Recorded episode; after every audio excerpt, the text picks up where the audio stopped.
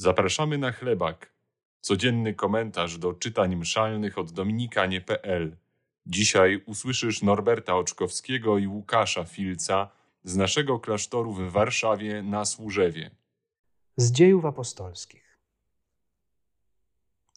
Przyprowadziwszy ich, stawili przed Sanhedrynem, a arcykapłan zapytał: Surowo wam zakazaliśmy nauczać w to imię a oto napełniliście Jeruzalem waszą nauką i chcecie ściągnąć na nas odpowiedzialność za krew tego człowieka.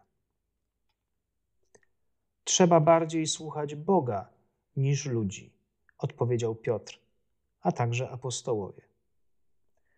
Bóg naszych ojców wskrzesił Jezusa, którego wy straciliście, zawiesiwszy na drzewie.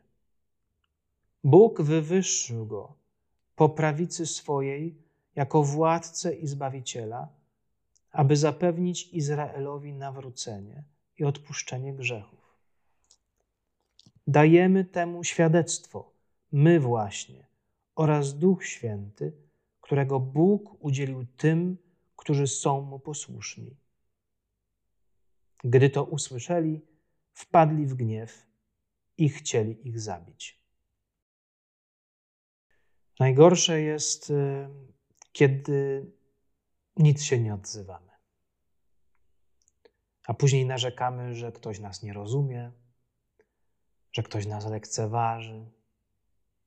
Milczymy, nie mówimy o tym, co dzieje się w nas, ale później jesteśmy, koniec końców, sfrustrowani i obrażeni. Trzeba jasno wyrażać swoje zdanie, nawet jeśli jest ono sprzeczne ze zdaniem drugiego człowieka. To jest trochę taka, bym powiedział, japońska mentalność. Jeden z ojców moich współbraci, który mieszkał dwadzieścia parę lat w Japonii, opowiadał mi, opowiadał nam w klasztorze, jak wyglądają czasami spotkania towarzyskie u kogoś w domu. Kiedy gospodarz zaprasza gości, na przykład na obiad, to oczywiście pierwszy nigdy nie zabiera głosu. Ale goście, zabierając głos, starają się unikać tematów, w których mogliby sformułować jakieś swoje osobiste zdanie.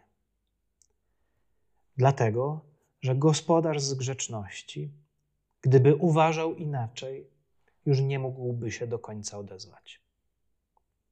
Ponieważ zasada gościnności nakazywała mu szanować zdanie tego drugiego, nawet jeśli się z nim kompletnie nie zgadza. A szanować w kulturze japońskiej oznacza nie zaprzeczać. No więc japońska mentalność, jeśli taka rzeczywiście jest, nie jest do końca ewangeliczną mentalnością. Na pewno nie jest taką mentalnością, jakiej uczy Jezus i apostołowie. Apostołowie nie boją się wejść w konflikt. Mm. Ale oczywiście otwarci są na rozmowę. To nie jest taki konflikt, w którym y, obrażają, grożą innych. Tak postępuje właśnie Sanhedryn. Tak postępują arcykapłani.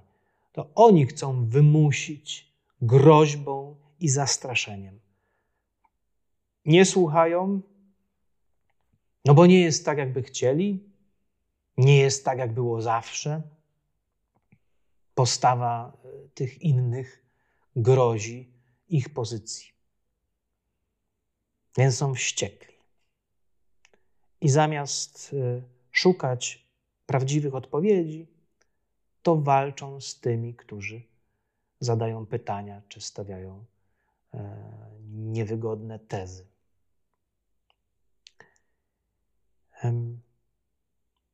Skumulowanie w sobie złości, niewyrażenie jej na zewnątrz może prowadzić do zabójstwa. Niekoniecznie musi to być zabójstwo drugiego człowieka. Czasami może być to zabójstwo własnej wiary. jeśli nie wypowiesz tego, że uważasz inaczej, jeżeli nie zaryzykujesz wejścia w konflikt, mm, to może obumrzeć Twoja wiara.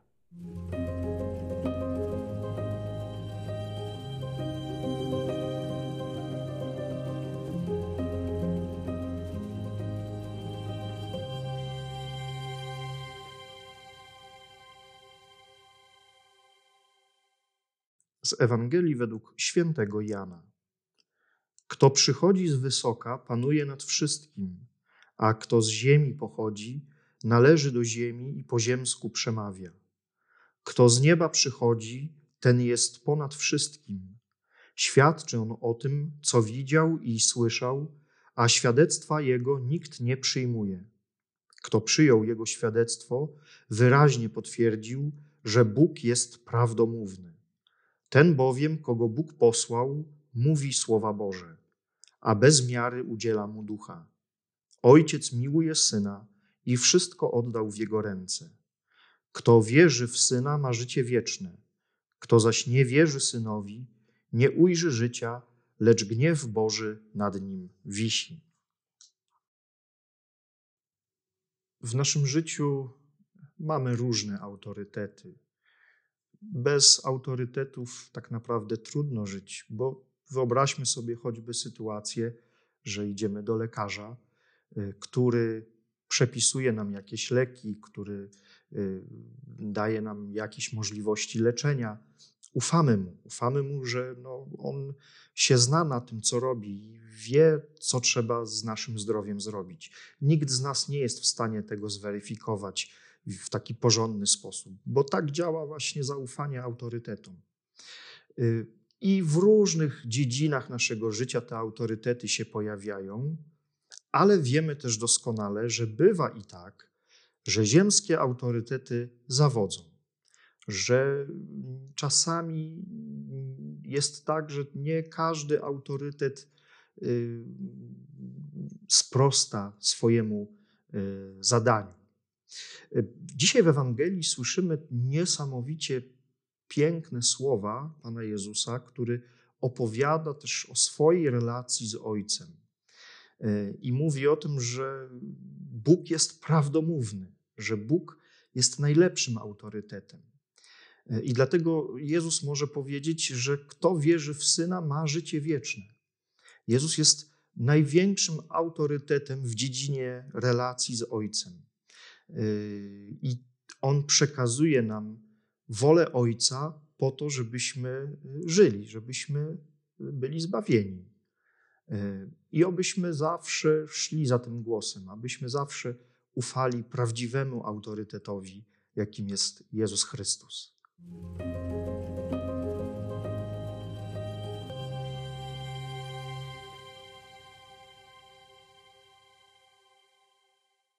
Ten chlebak powstał dzięki hojności naszych patronów. Dziękujemy.